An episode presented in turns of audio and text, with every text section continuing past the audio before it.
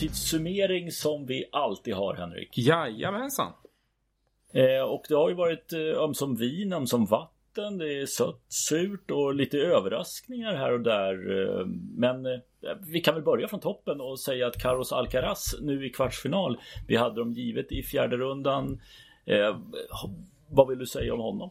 Jag trodde nog att han skulle hamna lite större problem eh, än vad han gjort kanske mot eh, den som han skulle ställas mot i åttondelen.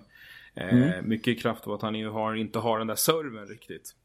Men eh, bortsett från några dubbelfel där han skulle ta hem det mot, mot Berrettini så, så har det ju sett väldigt bra ut. Tappar ett set mot Jarry i tredje omgången. I övrigt eh, får ju liksom verkligen växa in i turneringen med ett stegrande motstånd. Chardy ja. i öppningsmatchen var ju, var ju liksom, den joggar han ju verkligen hem. Eh, han slipper en Rinderknech, lite oväntat kanske. Eh, att det blir Müller mm. istället. Rinderknech såg rätt bra ut i förturneringarna tycker jag. Eh, och sen Jary då som ju visserligen har varit en bit fram här tidigare men, men inte har liksom det här som primärt underlag. Så att eh, en, en behaglig inledning. Sen är det ju kul att vi har Peretini där framme i åttondel tycker jag. Ja men det är det ju faktiskt. Vi hade båda satt Zverev där i en fjärde runda. Eh, jag tror att förlusten här i tredje rundan är bra för Båstad. Men Sverev Zverev och Berrettini, han hittade någonting här för att vi pratade ju om hur dålig han rent ut sagt har varit i, i sin comeback fram till Wimbledon. Han har ju bara vunnit strömatcher fram, fram till hit egentligen. Eh, det har sett riktigt, riktigt dåligt ut. Men någonting händer ju i öppningsmatchen där. Mm. Eh, han får revansch på Sonego som han ju förlorade mot för bara några veckor mm. sedan. På samma underlag. Eh, och när han vinner det här, eh, liksom, när han förlorar första setet, sen så vinner han ju tre raka på det. Tre ganska tajta set. Mm. Och sen är det som att han hittar en ny nivå i spelet efter den mm. matchen. Ja, jag är överraskad över att han eh, liksom spisar av eh, Deminaur så pass enkelt. Verkligen. Nu är inte Deminaur någon grus eller gräsfantom heller. Nej, men, men ändå. Men, men, han, han, är ändå ett, han är ändå liksom en, en jag tror han måste, måste ha gått in som favorit ändå i den här matchen. Eh, mm. Har ändå sett hygglig ut i förturneringarna han också. Och sen mot Zverev, honom städar han ju av också. Eh. Mm. Ja, visst, det är två tajta set, men det är tre raka han ändå vinner. Ja. Det är det ju. Och, och, som sagt, det är en nivå som vi inte har sett från honom på mycket länge. Och eh, jag tycker det var, var kul. Alltså, jag såg att Nick Kyrgios hade skrivit på Twitter innan, innan matchen mot Alcaraz att ja, men vem kan hota Novak Djokovic? Ja, en Berrettini kan göra det i liksom extrem form. Och han ja. kanske är på väg mot det nu. Nu blev ju Alcaraz för svår i slutändan. Men Berrettini gör ingen dålig match tycker jag. Nej, nej men eh, jag håller med. Jag håller med. Det, alltså, det, det, Alcaraz är lite bättre liksom. Det, det, det, saknas väl fortfarande en del för Berrettini. Då får han vara hel och då ser man ju definitivt italienaren som en contender 2024. Det har jag inga som helst problem med att se för att just hans tunga spel när det får full utväxling är väldigt svårstoppat. Verkligen, verkligen. Nej, det, det är glädjande att ha honom tillbaka på den här nivån. Hoppas verkligen att han kan hålla i det.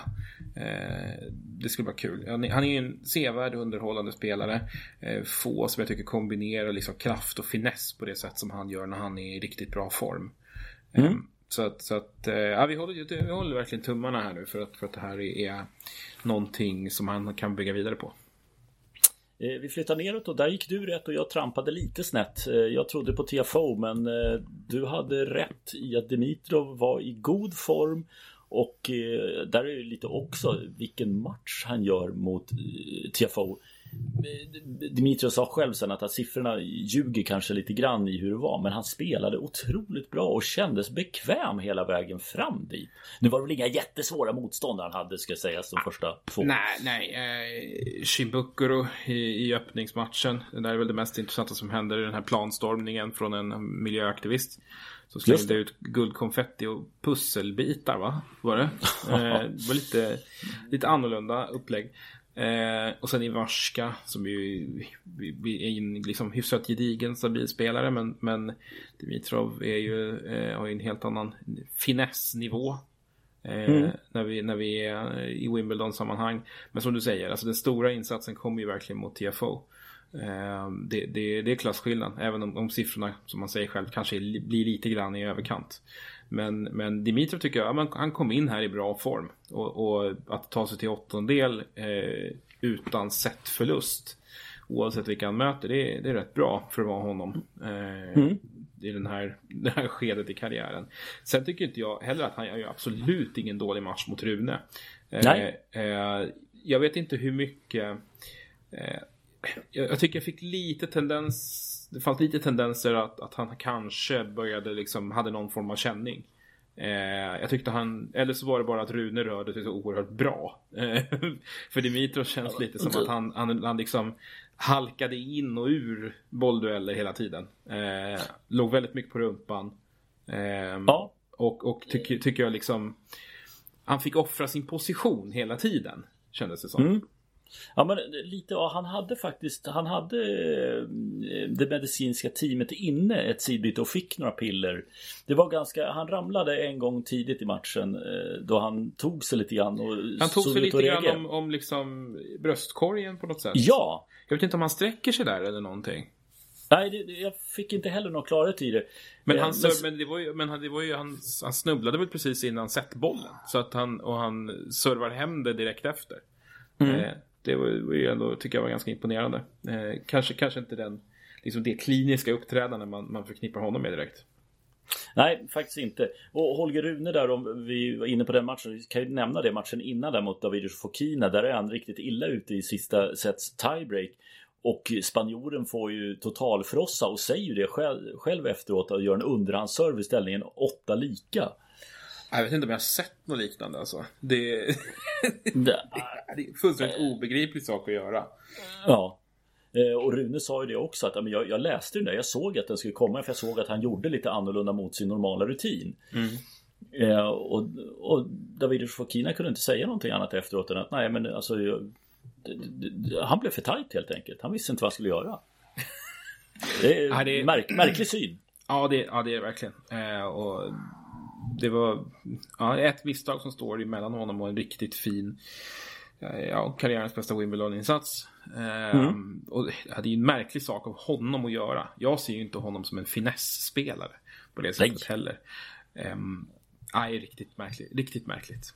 Uh, Nej men det, det, det, det, blir, det blir fel. Sen, sen ska sägas, okej okay, en tredje runda är helt okej okay för hans del. Uh, Holger Rune imponerar mm. på mig också mm. på sättet han tar sig an matcherna, hur han rör sig och Inställningsmässigt mot Dimitrov hade han en liten svacka eh, tyckte jag i andra set egentligen där han var lite gnällig som han kan vara. Mm, det såg vi ju även i, lite tidigare i turneringen där också. Eh, mm. Lite mycket lite tjat och, och tjafs upp mot boxen och sådär som han, han har hållit på med tidigare. Mm. Men just rörelsemässigt tycker jag han är en av de som ser absolut bäst ut överhuvudtaget. Han ser mm. ut att vara i extremt bra fysisk form. Eh, tycker det märks inte minst på hur ofta han kliver runt på forehandsidan. Det är som att mm. han alltid liksom hittar tid att komma runt bollen där och, och gå med sin forehand. Eh, och det vinner han ju extremt mycket på. Eh, och mot, ja. mot Dimitrov var det verkligen klasskillnad i rörelsemönster. Slagmässigt tycker jag Dimitrov är med liksom. Men, men eh, när det gäller fotarbete och, och liksom rörelse i största allmänhet då var han riktigt på, på hälarna. Ja, eh, helt korrekt. Rune till eh, kvartsfinal då. Eh, vi flyttar ner och Daniil Medvedev hade vi båda framme där trots att han egentligen inte varit speciellt bra. Men han, har ju, han klarar ju av Manarino relativt enkelt i tre raka set. Det kändes som att fransmannen inte riktigt ville vara med. Jag kommenterar en liten bit av den matchen. Och, nej, men han, han fick liksom ingen fäste i matchen och, och Medvedev var... Ja, han blev lite grinig också. Och, och hade rätt snygg grej. Han, tyckte det blev för mörkt. Eh, och, eh, men det tyckte inte huvuddomaren. Men då sa han okej, okay, eh, eh, skadebreak. ja, eh, ja men vadå? Ja men, jo, ja, men det, om du inte bryter nu så tar jag ett skadebreak för då behöver vi ändå gå till omklädningsrummet. Jag tar en sån skada som är så att vi måste gå till omklädningsrummet fram och tillbaka så har det gått 10 minuter och så är det mörkt. Så your call. Och det, där blir det lite konstigt för sen kommer supervisorn in och då bara blåser de av matchen. Så jag fattar inte riktigt hur det där går till. Nej, inte jag heller. Eh, riktigt märklig situation. Men, men vad, tror vi att en Manarino till exempel var lite mätt kanske efter ett antal väldigt framgångsrika veckor eh, inför den här turneringen? Ja, men jag, jag, tror kanske lite och sen när han förlorade första setet mot eh, Medvedev så var det så här, men det, jag, jag, kommer inte orka vända på det här för Medvedev är för, är för bra just nu. Och jag har inte det, precis som säger, jag, jag är lite mätt, jag, jag, är klar med, med gräset nu. Eh, ja, det blir väl Newport förvisso kanske efteråt. Mm. Men att, ja, men jag, jag är färdig. Mm. Nej, jag skulle, jag skulle tro det. det. det. krävs ändå en, en enorm effort att, att, att liksom övermanna Medvedev på, på det här underlaget. Um, är det så att han känner att han inte har det i sig en sån dag då, då, är, det, då är det svårt att liksom försöka kräma ur allt kanske. Ja, Ja men det blev lite show, lite skratt också. Eh, sen så Fuxovic gör det ju bra i omgång tre. Eh, men egentligen inte några större problem ändå, vad jag tycker. Nej, det är sett förlusten där i första. Eh, Fuxovic är ju liksom en bra striker. En, en, en, liksom en, en sevärd spelare på alla sätt och vis. Men, men liksom ingen som, som gnetar hem de här jämna matcherna kanske. Eh, det tycker jag liksom är ett, ett styrkebesked av Medvedev. Jag, jag, jag, tycker som du att, att eh, trots att trots att förlusten så är det inte, det känns inte särskilt dramatiskt. Och det är det ju verkligen inte heller i åttondelen. Nej, nej men en Lehetska som, som går sönder efter två set ger upp där och ja, det är inte så mycket att säga. Det, det Lehetska har haft en fantastisk turnering. Du hade Paul framme där. Jag hade Raunic framme och Raunic berättade ju sen att han var ju helt färdig. Trots att han lyckades vinna ett set mot, mot Paul så var det... Ja, han var slut redan där sa han ju. Men eh, lite överraskande att Lehetska slår Paul ändå i fem set. Lehetska är ju, är ju andra liksom väldigt framgångsrika turneringen. Eh, Grand Slam-turneringen för honom. Kvart i Australian mm. Open och sen åttondel här i Wimbledon. Börjar liksom eh, arbeta upp en fin förmåga att, att prestera bra tennis i större sammanhang. Eh, det, är, äh, det är imponerande. Det är det. Flyttar vi ner så har vi något annat som är otroligt imponerande. Chris Eubanks. Mm. Som man knappt har sett till här. Har kämpat rätt mycket på Challenger-touren. Har fått en del wildcard men det är först nu under våren som han har ja men vi har sett honom i lite större sammanhang kan jag tycka. Ja, det, det är en kille som, precis som du säger, som har eh, hängt i på Challenger-nivå ett, ett antal år. Mm. Eh, jag tror han gjorde tourdebut, det är ganska länge sedan nu, jag tror det var typ 2015, 16 eller något sånt där. Mm. Eh, men, men liksom har kämpat för att få fäste. Eh, det började väl hända lite grejer i fjol. Eh, gjorde en, liksom en klättrade in topp 100 och gjorde, gjorde liksom ett antal matcher eh, på ATP-nivå. Men utan att göra något, något, större avtryck. Men de här mm. senaste mm. veckorna, wow. Eh, vad det har hänt grejer. Eh, vi kan väl ta liksom för, för, förberedelserna här inför Wimbledon först och främst. Liksom just mm. grässäsongen som helhet. Han kvalar in eh, till Stuttgart först, vinner två matcher i kvalet. Eh, och sen så kvalar han in till Halle också eh, och förlorar en mycket, mycket tät match mot Hubert Hurkacz. Den kunde han lika gärna ha vunnit. Mm. Eh, han förlorar andra sets tiebreak där med 11-9. Efter att ha vunnit första set. Så att det säger en hel del om hur tight det var. Och så vinner han ju Mallorca. Visserligen ett ganska beskedligt startfält, men, men likväl. Han slår Manarino i, eh, i finalen. Eh, mm. Rutinerad gräsräv. Och sen då Wimbledon framme i kvartsfinal. Eh, ja. Det, det, är fullständigt sensationellt. Ja, eh, han slår Norrie i andra omgången. Ja, det är en, hem... det är en, ja. en enormt fin seger. Ja, på en stor arena kliver han in, tar Norrie hemma favorit. Och han eh, skakar liksom, det, det, han skakar inte heller där när det drar ihop sig utan tar den och sen så efter det så Ja men sen att få Chris O'Connell från Australien eh, i en tredje runda där, det är nog rätt tacksamt. Eh, nu blir det tre tiebreak-set i den matchen. Starkt gjort att vinna alla tre. Och sen i här i åttondelen mot Tsitsipas, det är, för mig är det helt otroligt hur han vänder 1-2 underläge och vinner de två sista seten. Ja, det är det verkligen. Men, men är det liksom någon spelare som är så högt rankad som, som det ska ske mot, ja men då är det väl kanske Tsitsipas då. Eh, som ju har haft en, en, en, förmåga att ge bort matcher och ge bort överlägen. Eh, sen upplevde jag också att han har levt lite på lånad tid. Det hade kunnat mm. ta slut jag tycker Dominic Thiem gör en av sina bästa matcher som jag har sett på mycket länge alltså, i, i öppningsronden. Eh, där har han ju en fördel av att han känner Tsitsipas så väl. Man har mött varandra ett antal gånger nu. Eh, och sen Andy Murray är ju inte långt ifrån heller att, att, att trycka till Tsitsipas. Eh, så att liksom, jag vet inte hur många timmar han spenderar på banan eh, under de två första omgångarna, men det är tio set som han kommer in i tredje omgången med. Det sätter sig ju i benen. Laszlo Gere har ju inte så mycket att sätta emot. Men, Nej. men eh, det är klart att det finns risk för ett energitapp, men, men framförallt också ett mentalt eh, mot Eubanks. Som ju bara ja. har saker att vinna och kommer in i äckligt bra form. Ja, men det, det är lite, för mig var det lite så här, team i första matchen. Jag vet inte hur, vad ska man säga, team gör en bra match, men det här ska ju normalt sett i mitt tycke, även nu får man inte glömma bort att Tsitsipas har faktiskt inte varit förbi fjärde rundan i, i, i Wimbledon. Men att han får en så pass tight match mot team på gräs och team är inte bra på gräs. Nej, det är han inte. Det, alltså, nej, och, och, där blir det för mig lite grann, okej, okay, team gör en bra match, men det ska Tsitsipas ändå, han ska korta av den matchen minst ett set även om team gör en bra match. Men han tar den segern. Sen att han vinner mot Murray, för det tror jag var jävligt viktigt för honom att få göra. Likväl var väldigt viktigt för Murray att visa att han kan vinna på gräs. Eh, och jag trodde att han skulle gå starkt ur det, framförallt då när han skulle få Jerry eh, och sen i en fjärde runda Eubanks eller O'Connell. Alltså det är ju en drömlottning mot kvartsfinal också. Ja, det är det, det, är det definitivt. Um, nej, han, han hade liksom... Vägen låg ju öppen för honom och det är inte alltid att det behöver vara någonting positivt när det gäller honom. Uh, nej. Det är snarare så att det kan vara en belastning eh, när, när, när liksom läget verkligen uppenbarar sig och att han liksom nästan får en, en, en liksom bra chans till skänks. Liksom. Eh, mm. Det känns som att det knyter sig nästan då för honom.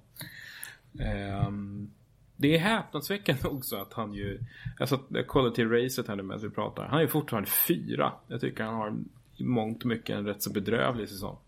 Eh, men, men det är det här poängsamlandet som han ju, han kommer ju härifrån med 180 friska pinnar ändå. Eh, så att eh, Ja, det är långt kvar fortfarande till, till den form som gjorde, gjorde honom till en Grand Slam-utmanare för ett par år sedan. Ja, det, det, känns som att det, det, är längre ifrån nu än vad det har varit tidigare. Mm. Eh, men samtidigt var min, min känsla var lite så här, okej, okay, nu har du tagit förbi Murray. Okej, okay, som du sa, det var två tuffa matcher där. Men att, ja men här hade han kunnat få en omgång 3 och 4 som då hade liksom kunnat få honom att samla kraft mot vecka 2. Mm. Eh, och sen i, i sista set så, så blir han bruten tidigt eh, bryter tillbaka och då tänker man så här, ja men okej det här viker nu, nu viker Eubanks ner sig. Det gör han inte. Utan han, det enda han skakar det är lite grann i sista servegenet kan jag tycka. Eh, men han spelar ju ut hela vägen och, och Tsitsipas eh, Ja men det, det, det, finns liksom ingenting där Han hade möjligtvis om Eubanks hade sjunkit lite i nivå där Då hade han kunnat liksom Sno åt sig den där segern Men han gör liksom ingenting själv för att vinna matchen Om jag uttrycker det lite slarvigt Nej, men jag, jag håller med dig eh, det, det, är som att han inte riktigt han, han, han krymper mentalt Det är som att han inte riktigt vågar vara så bra som han behöver vara Mm. Eh, för att han ska vinna så måste andra, andra någonstans göra bort sig. Eh, han, blir, han blir lite mer passiv. Eh, fokuserar mer på att hålla boll och vill inte göra bort sig. Liksom. Det knyter sig. Eh, det, det, är lite trist att se med tanke på hur mycket, mycket spel han har i sig.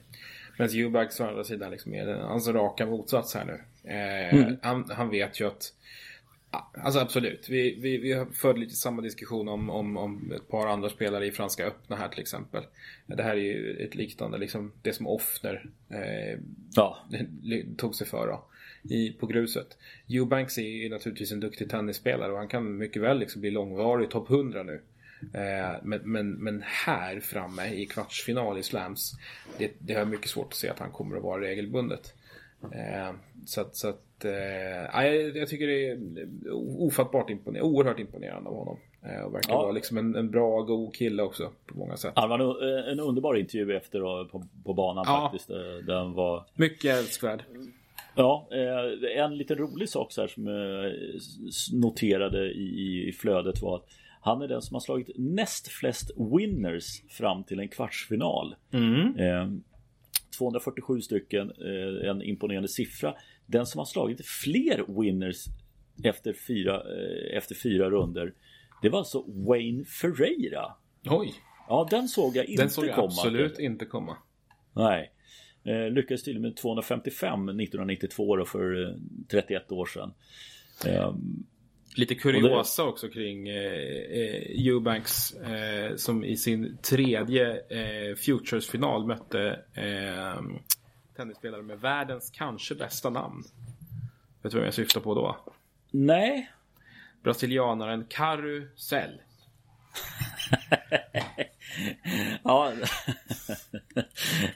den hade, den hade gått mig helt förbi Henrik. Ja, vi, och vi har ju ändå några bra. Ten, ten, ja, ja. Tennis Sandgren till exempel. Ja, eh, och vad heter det? Hank Tigre. En annan, ja. en annan favorit. Ja, det finns några namn där ute. Det finns skäl att plocka upp dem vid mm. senare tillfälle. Karusell alltså? Det... Karusell. Ja. ja, vi fortsätter den här karusellen längre ner då. Jannik Sinner hade vi placerat i en fjärde runda och det var ju ingen snack om saken. Han skulle möta Taylor Fritz tänkte vi där. Mm. Gjorde han inte och där fick man ju upp så här hoppsan här kan det finnas möjlighet för Micke Ymer gjorde en Ja, mot Fritz förlorar de två första seten och ser lite eh, loj ut i tredje set också. Men får med sig någonting där. När han vinner i tredje setet tänker jag, i mitt huvud var det så här, ja men kul, nu, nu vann han ett set här, men nu lyfter sig Fritz igen. Men här visar Micke Ymer sin otroliga styrka tycker jag i såna här matcher. Han gör sig själv så jävla jobbig. Fritz är dålig, mm. men borde ändå på gräs slå Micke Ymer. Ja, var, I de två sista sätten så fick ju inte Fritz grepp om poängen överhuvudtaget. Då var det ju Micke som var den spelförande. Eh, mm. Vilket ju inte ska vara möjligt med tanke på den vapenarsenal som, som eh, Fritz har. Ja, men han var dålig. Han var dålig hela vägen upp här egentligen. Eh, och det börjar ju växa fram någon slags slamfrossa på, på Fritz.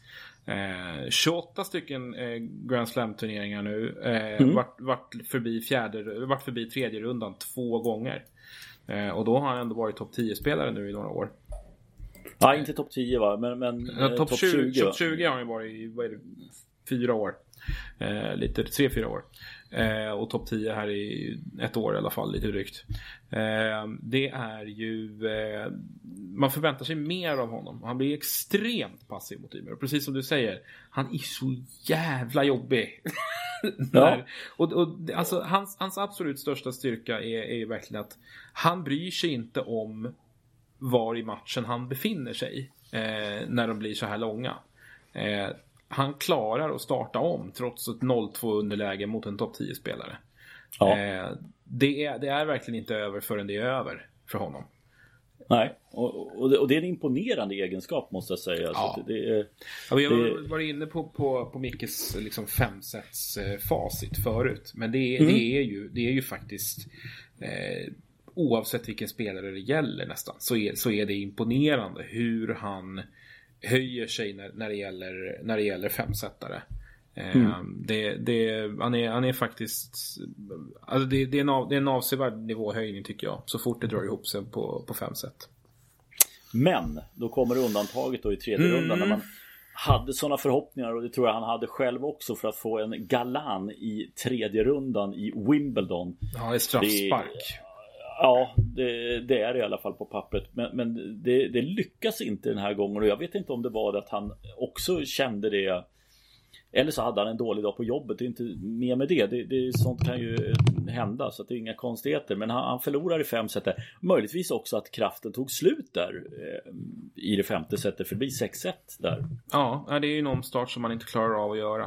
Jag tycker att, att det, lite, smyger sig in lite gamla synder i serven igen. Den, mm. den är dålig. Mm. Eh, matchen igenom egentligen. Eh, det är väldigt sällan som första serven sitter tycker jag. Eh, mm. och, och, det måste den ändå göra på det här underlaget. Där hade han läge att göra sitt listturnering. Nu blir det med, med beröm godkänt i alla fall. En, en, en, tredje runda. Det är mycket mer än vad man hade kunnat vänta sig. Den där segern mot, mot Fritz, eh, den, den kommer ju inte i parti minut liksom. Eh, men, men det hade kunnat bli en fjärde också och vi vet ju att han har ju hotat, han har ju slagit Sinner tidigare. Mm. Eh, så att eh, visserligen inte i, i ett sånt här betydelsefullt sammanhang kanske. Men, men eh, eh, det, hade, det hade varit intressant att se. Det hade det. Nu blev det inte så. Galan går till fjärde rundan. Det är väl Colombias största framgång, tror jag mig. Om jag inte missminner mig. Sinner har inga problem att plocka bort Galan i, i fjärde rundan så att, att han är i kvarten Ja, väntat höll jag på att säga. Eh, vi flyttar neråt och här hittar vi en annan spelare som vi definitivt inte hade plockat med här. Han eh, på, i sin Wimbledon-debut tar sig ända till kvartsfinal men vi tar fram till fjärde rundan. Eh, Roman Safiulin. Mm. Som ja, börjar med att spela bort Bautista Agut i en riktigt tight femsetare. Imponerande sig. Sen spelar han bort Moté. Och sen då Guido Peja som ja, snubblar sig fram eller gör en bra bedrift ska man säga till en tredje runda. Eh, ja, jag vet inte vad man ska säga om, om den här killen faktiskt. Eh, jag såg ett klipp med, med Daniil Medvedev som hade fått frågan inför säsongen. Vem får årets genombrott? Och då hade han sagt att eh, Roman Saifiolin har, har så otroligt mycket boll i sig. Eh, om mm. han får ihop sina grejer då kommer det att bli åka av, typ så. Eh, ja. Och jäklar, det, det, det är en eh, skithäftig resa för honom. Också, ska vi säga, han, han får hjälp av en, en lottning som verkligen öppnar upp sig. Den stora segern tar han ju mot Batista Gutti i öppningsrundan. Ja. Eh, sen är det Moté i all ära. Och sen är det en Guido Peja som eh, ja. eh, kommer in på Protector och plockar bort eh, Borna Coric i, i en femsättare och sen eh, ta bort Major. Ja. Så att eh, det, det är väl kanske, och sen, ja, hans energi är ju tvärslut i den tredje omgången i alla fall. 7, ja, 6, 6, 4, ja, 6, 0 sista ja. i alla fall. Nej, det, det, det var inte, Guido hade inte tänkt att vända 0-2 till 3-2 i alla fall. Nej, jag tror inte det va? Nej. I, I fjärde rundan, du och jag hade båda tippat Batista Gutt. I, I fjärde rundan hade jag Chapovalov och du hade Kasper Rud. Mm. Rud vinner en match, torskar mot Brody. Brody åker på den här gamla vanliga att har du vunnit mot en storspelare så kan du inte ladda om. Och Chapovalov tar sig fram till fjärde runda vilket är, får man lov att säga, ett fall framåt för honom. Eh, det tycker jag verkligen att det är. Det är första gången sen eh, om jag har rätt, ser rätt här så är det första gången sen Wien som han vinner eh, tre matcher i rad. Mm. Mm. Ja, det var Och det är oktober. Mm. Ja. Det, är, det, är, det är en bra stund sen dess. Det är nio månader. Så att eh, eh, det där behövde han. Ja, det var lite litet frågetecken här för han pratade på presskonferensen efteråt också om att han har tydligen problem med ett knä. Mm. Som man inte riktigt vet hur han ska hantera heller om det är längre vila eller om det är operation till och med. Så det, det var tydligen lite tveksamheter kring hur, hur kroppen är för den gode kanadensaren. Men oavsett fysisk status så kan han ju vara supernöjd med, med vad han gjorde den här turneringen. Eh, det här var det bästa vi sett på bra länge. Ja, absolut. Så det är någonting att bygga vidare på som vi har påpekat tidigare gånger. Verkligen. Eh, neråt, Andrei Rublev eh, hade vi eh, spikat in där i fjärde rundan och att han skulle möta Alexander Bublik. Det hade vi också spikat fast i det läget. Eh, trots att Ogier Aliasim var eh, på den lottningsdelen. Ja, och det är eh, Ja, Ogier Aliasim fortsätter famla, har dragit sig från Gestad efteråt och det kan man ju förstå. Eh, men Bublik Rublev i åttondelen eh, och nu fick Rublev dessutom revansch då på Bublik från förlusten i halvfinalen. Eh, Rublev, ja men han gör det bra och han säger själv att gräs är ju inte hans hans underlag egentligen. Nej men Rublev är duktig och, och han, han, gör det han behöver göra. och han är inte, han är inte rädd, liksom, han är inte rädd för att jobba hårt. Han är inte rädd för att gräva. för att, för att liksom ta sig ur problemen. Ehm, jag måste också säga att jag är imponerad av Bublik. Eh, det är man ju nästan alltid spelmässigt. Men, men det har verkligen hänt någonting i huvudet hos honom. Mm. Eh, det är som att poletterna trillar ner lite grann och att han är beredd att investera eh, det han måste för att eh, liksom ja, men, kunna leva upp till sin potential lite grann. Mm. Mm. Eh, jag tycker inte att förlusten mot Rublev är ett resultat av att han liksom håller på att tramsa bort matchen. Nej, utan, verkligen inte. Utan han är med hela vägen. Sen är Rublev bättre. Det är ju en poäng där i, i matchens ja. absoluta slutskede. Som, som är en av de, turneringens absolut bästa. Eh, till exempel. Så, så att Rublev gräver djupt där. För, för att liksom komma över Bublik. Och, och eh, det, det, det, är ett resultat av, en, av en, att han möter en mer rutinerad spelare. Som, som kan trycka lite mer på, på viktiga poäng kanske. Mm. Eh, men, men alltså ett jättefall framåt för Bublik. Eh, det vore kul om han verkligen blev en kraft att räkna med i, i liksom lite fler turneringar framöver och inte håller på att dumma sig. Nej, eh, se vad hans potential, liksom vad hans, hur mycket han kan få ut av det där spelet egentligen. Mm. Eh, längst ner då, där hade vi ju Musetti och vi hade Hurkacz. Eh, du tippade fram Hurkacz i fjärde rundan. Jag gick ju, här var ju jag så jävla fel på det. Jag måste till och med svära över det. För John Isner, alltså du, du är, nej, nej John, det här, det här förlora mot Schaum Monar i, utan att spela ett tiebreak set dessutom. Ja. Det är fullkomligt bedrövligt. Icam var en av de sämsta matcher som Isner någonsin har gjort på ATP Tour. Ja. Nu, och nu är det snart över. Ja, men det, det, alltså när han förlorar mot honom här i Wimbledon på det sättet Då får jag nästan lite känsla att nu, nu, nu, nu var det att åka och hämta pengar. Ja, det börjar nästan kännas som att det var han och Chardy som var där och lyfte en check. Japp.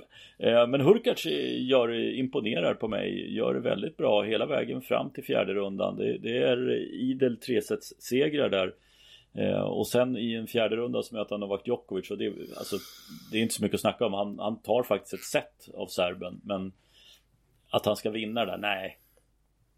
Nej, man tror väl egentligen inte det ändå. Eh, Sett-segern till trots. Han gör en väldigt gedigen insats. Eh, jag kritiserar honom för att han, han pendlar för hårt i form.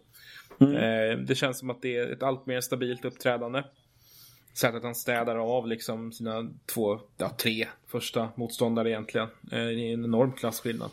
Både på honom och, och Ramos, Choinsky och sen Mosetti. Mm. Eh, det, jag, jag, tycker att det, det vittnar om liksom en allt stadigare och liksom i, i, i grund och botten högre plat, platå att stå på. Eh, så att eh, jag tycker ändå förlusten till trots mot Djokovic, det båda gott framåt för Hurkacz. Det här var en bra turnering. Ja, det var det. Eh, och för Djokovic så är det liksom trampa igång maskineriet. En Cashin i första, ja det är ju inga större problem. Det fortsätter med Jordan Thompson i andra, det är inte heller några problem. Och Wawrinka, det är definitivt inga problem. Eh, noterbart är att han, han spelar tiebreak set i alla sina fyra första matcher. Mm. Dubbla dessutom mot, mot Hurkacz och fortsätter att vinna de här också. Eh, det var väl, vad var det, i Rom eller något sånt där som han förlorade tiebreak-set eh, senast. Eh, han är otroligt skarp i de lägena nu, Djokovic. Jag tror det var um, om jag kollar rätt här nu så var det i Banja Luka. Eh, som han sist förlorade tiebreak. Jo tack, då var det ett tag sedan. Eh, mot Luka van Asch i öppningsrundan i april alltså. Och eh, sen dess så har han då alltså vunnit eh, 12-13 eh, i rad. Ja, då ska, och då ska jag säga 13 säger du där. Eh, mm. Senast någon, eh, den som tog ett tiebreak set senast mot honom i slam-sammanhang. Det var i, i, vad heter det, i Australien och det var i eh, om det var i andra rundan där. Det var Enzo Kouakou som tog eh, tiebreak set där. Så efter det har han 14 raka eh, tiebreak set i slam-sammanhang. Mm. Så Rublev har eh, uppdraget klart för sig i alla fall. Vad han behöver göra för att... Ja. Håll dig bort. Ja, eh, om, om vi kan vi börja där nerifrån då. Eh, om vi blickar framåt där. Djokovic, Rublev. Eh, så som Rublev spelar så känns det som att ja, men han kommer nog kunna göra en del Men ändå så är Djokovic så pass trygg och har liksom lite mer jag, jag kan inte se riktigt vad det är som Rublev ska hitta över en femsetsmatch mot Djokovic för att han ska kunna vinna. Nej, jag känner som du. Eh, vi återkommer ju ofta till det här med att han inte har den här sjuka nivån i sig riktigt, Rublev. Eh, mm. Och det om något är väl vad som krävs mot Djokovic i Wimbledon-sammanhang. Mm. Eh, ja, det är väl kort och koncist helt enkelt. Om vi flyttar upp då Jannik Sinner och Safiulin. Ja, Sinner är väl, ja, men är väl stor favorit även om eh, då Safiulin har, har spelat väldigt bra här. Så att jag, jag har svårt ändå att se att han ska ta sig ett steg till. Vet du vad, jag går emot. Jag tycker Sinner mm. har inte mm. behövt visa någonting överhuvudtaget. Mm. I motsats till Saifiolin. Som, som vi ju faktiskt vet eh, håller en, en exceptionellt hög nivå. Och har, redan plockat bort Batista Gutt och Chapovalov. Det är, det är mer motstånd än vad Sinner har behövt ta sig an. Mm, det, du har en poäng där i, i det. Men äh, jag, jag håller ändå för jag tycker att äh, Sinner ska klara av det. Men som sagt, en Safiolen i, i otrolig form. Ja, men det är en liten varningsflagg där. Eh, om vi flyttar uppåt då, Medvedev och Chris Eubanks. Här, här blev man ju glad av Eubanks. Eh, och att han har liksom med hans eh, sprakade energi och eh, framträdande på banan eh, gör ju en väldigt glad. Men jag frågar mig själv gång på gång här sen det blev klart vilka som möts där om man ska klara av en Medvedev och jag undrar om inte Medvedev ändå är den som drar det längsta strået i en kamp de två emellan. Det tror jag också. Eh, I och med att han ju slapp eh, spela klart matchen mot Lertska här. Mm. Eh, det känns inte som att eh, han har inte behövt prestera sin bästa tennis hittills.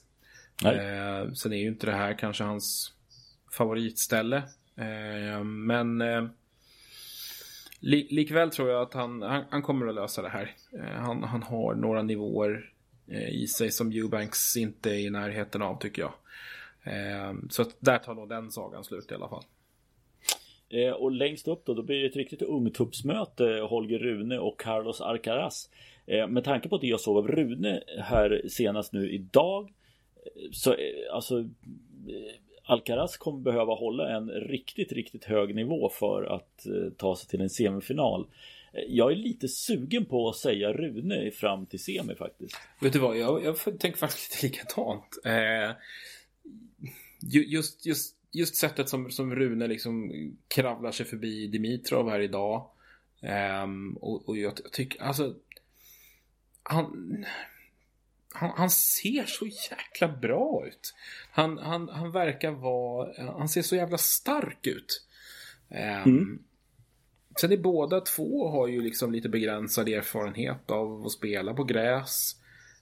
Um, Alcaraz har, har gjort en bra turnering så här långt. Um, men, men um, svårt ändå. Eh, liksom, Berrettini är all ära, men, men det är lite svårt att veta hur pass stor värdemätare det var. Ja. Eh, eh, jag tycker den är skitsvår faktiskt. Det är, ja. det, det är nästan 50-50. Men jag kanske ska säga Alcaraz då, som att du lutar åt Rune. Så, så, ja, att men... vi, så att vi tycker lite olika. Ja, men då har vi olika semifinaler på båda där då i så fall. Eh, även, om, även om du har garderat dig bra i den matchen. Mm. Eh, semifinal då. Eh, Medvedev eller Rune Alcaraz. Jag tycker det är jättesvårt här också för precis det här som du säger när vi drar ihop så här. Jag har ju samtidigt jättesvårt att se en Medvedev i en final i Wimbledon med tanke på att han inte är riktigt hemma här. Eh, samtidigt så har de här två unga killarna som inte heller är hemma på det här underlaget, har inte rutinen på det här underlaget. Så jag är väldigt svårt liksom att peka på vad det är som jag skulle vilja sätta som USPen varför just den här spelaren ska gå till final. En, en potentiellt avgörande punkt tror jag finns i Medvedevs motstånd i kvartsfinalen. Eh, mm. Det finns ju risk för att Alcaraz och Rune, vem det än är som kommer vidare, gör det eh, med ett rejält energitapp. Eh, det kan dra iväg rejält mm. i den kvarten. Den mm. kan bli ruskigt lång. Det tror jag inte Medvedevs blir. Eh, det känns Nej. inte så i alla fall. Eh, och om det finns en fördel så, så är det väl den då. Så att jag lutar nog åt att, att skicka fram Medvedev i final. Eh, Okej, okay, då eftersom vi går lite mot, ska vara motsträviga här så säger jag Rune då. Mm. Eh, längst ner Sinner, Djokovic säger ja, du säger Safiulin och Djokovic. Eh, nu ska man ju, för min del så, Sinner var ju bra mot Djokovic i fjol här i Wimbledon. Det var ju, han hade ju faktiskt 2-0 i set. Det är lite lätt att glömma. Sen vann förvisso Djokovic de tre följande seten med hyfsat stora siffror. Eh, det tror jag inte blir fallet om de möts i semifinal utan jag tror att ja, men, Djokovic är bäst. Ja, jag, jag, tror inte det. Oavsett vem det är han ställs mot så tror jag inte att det kommer att bli några... Han kommer inte ha några problem med det motståndet. Och då har vi en final och då är vi överens om finalen. Nej, det är vi inte alls det. Eh, vi är överens om en av finalmotståndarna här, eh, eller deltagarna. Eh, Djokovic, Rune eller Djokovic, Medvedev, spelar det någon roll? Nej, det gör faktiskt inte det. Eh, det här kommer Djokovic att lösa. De här skadeproblemen som, som vi pratade om i Franska öppna som eventuellt kunde vara ett problem för honom. Jag tycker jag har, jag har inte sett mycket av eh, så här långt. Eh, jag upplever honom som ja, men, fokuserad. Eh, tillräckligt bra, lagom bra så här första veckan. Eh, försöker liksom inte gå ut och, och, och tillintetgöra sitt, sina motståndare. Han försöker ta sig förbi dem utan att det ska vara mm. allt för jobbigt. Mm. Um, som sagt, Rublev kommer att göra en bra match mot Djokovic, säkerligen. Men, men någonstans så vet även vet båda två att, att det finns extremt lite som talar för att Djokovic kommer att förlora den. Och vem han än möter i semifinalen så kommer han att vinna förmodligen i tre raka, tror jag. Uh, ja, det skulle kunna bli så faktiskt. En, en ganska lite antiklimax semi. Ja, det, det, går på två timmar och tre minuter och så är det ja. klart. Och sen i en final så ställs han antingen mot en person som har extremt begränsad erfarenhet av underlaget eller som inte tycker om det riktigt. Eh, ja. Och, och det... Nej, jag ser ingenting som ska kunna stoppa honom faktiskt. Nej, inte, inte mer än han själv. Nej. Eh, det, det, det, som sagt, det, det är i dagsläget svårt att se vem det är som har de kvaliteterna. För jag tycker inte att det är någon. Det var lite som det var för två år sedan när Berrettini var i final. För det tyckte jag att när vi pratade om det så såg inte vi heller egentligen någon annan utmanare än att det skulle vara en Berrettini i final. Men här tycker jag inte att man ser någon, någon som är en självklar utmanare till en finalplats heller. Nej, Nej jag håller helt med. Det, det här är Djokovic turnering att vinna. Punkt. Punkt, bra. Vi sätter ett streck där och så kan vi liksom lite slask efteråt här och Eh, Båstad ser fortfarande bra ut startfältet. Det har inte hänt någonting när vi kollar på entry-listen här att någon har dragit sig, i alla fall inte någon av betydelse. Eh, finns det en liten risk i och med att Rublev är så här långt in att han eh, är för trött? Det är väl det enda jag kan se eh, av de här toppspelarna i alla fall. Ja, precis. Eh, som du säger, där, där, finns det väl en liten, liten risk. Eh, annars så är det ju ingen av dem som har gått särskilt långt. Eh, resten, resten vill nog dyka upp, det tror jag definitivt. Eh, vi har ju fått ett, en liten förändring på wildcard-sidan där också. För mm. Båstads del. Mm, eh, Puy drog sig ur. Vi flaggar ju lite grann därför att han drog sig i Wimbledon-kvalet. Eh, mitt under match. Och eh, det kanske inte var någon jätteskäll att han försvann. Men istället Dragos Madaras får eh, möjlighet att eh, spela en huvudtävling på ATP-nivå. Eh, väldigt roligt faktiskt att han ska få göra sin, ja det är väl sin ATP-debut här i Båstad. Ja men det blir det ju. Ehm, och det är välförtjänt tycker jag. Eh, bara här för ett par dagar sedan så vann han ju sin tionde Future-titel. Eh, det, det är ju ett makalöst eh, facit. Eh, han har bara det faktum att han har spelat 83 tävlingsmatcher eh, och vi är sju månader in i, ja, i säsongen. Ja, det är så mycket. Det är så mycket matcher så att det är svårt att begripa nästan hur hur man hinner med att spela så många faktiskt. Det, nej, det, det, det är ett sanslöst bra facit och då får man inte glömma bort här att när han har spelat här nu under de här tio han har vunnit så är det ju inte Det är en del 15 000 dollars, alltså den minsta men även ett par 25 också. Mm. Eh, och utöver liksom de tio titlarna så har han ju ytterligare fyra stycken finaler som han har varit i. Ja. Eh, så det blir, det blir intressant att se det. Jag såg någonting, det här är lite osäkert än, att är du topp 200 så kan du inte spela eh, Futures som hur som helst. Så frågan är om man kommer kunna komma upp till eh, till eh, Arantxa Ros eh, rekord på 11 när det gäller både kvinnor och män på ITF-nivå ja. under en säsong. Ja, det är väl tveksamt då. Men det fanns väl lite frågetecken för om det, om det verkligen gällde 20, tyngsta 25orna. Precis. Så att han får väl sikta in sig på en sån i så fall. Men på här sidan har han ju redan slagit rekordet. Ja. Så grattis till det. Och Ja. Eh, kul att se vad han kan hitta på i Båstad. Eh, går förmodligen upp som Sverige två snart också. Eh, klättrar ja. för, sannolikt förbi Elias Ymer om någon vecka eller så. Ja, precis. Eh, det är för Elias har en del poäng att försvara i Gestad så att vi ska inte säga det om man då lyckas i Båstad spela in motsvarande 32 poäng var det som man hade då Eh, men i annat fall så har vi en ny Sverige 2 snart eh, och bryter bröderna Ymers eh, långa dominans får vi lov att säga. Mm. Eh, vilket öppnar, det är intressant för det, det vet jag inte än hur det, om, eller om det har annonserats eller inte om vem som får det andra wildcardet i kvalet.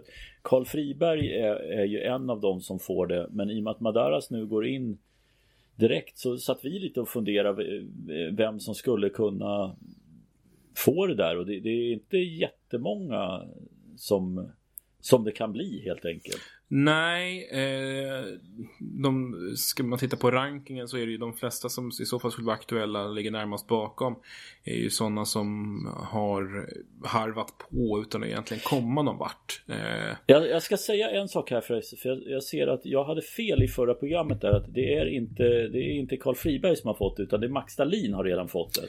Ah, ja, då, då borde det ju definitivt vara Fribergs wildcard i så fall. Då känns det som att Friberg är en trolig spelare. För Dalin var annars en av dem som, som vi kände eh, skulle kunna vara aktuella för det. Eh, han och Olle Wallin kanske. Mm.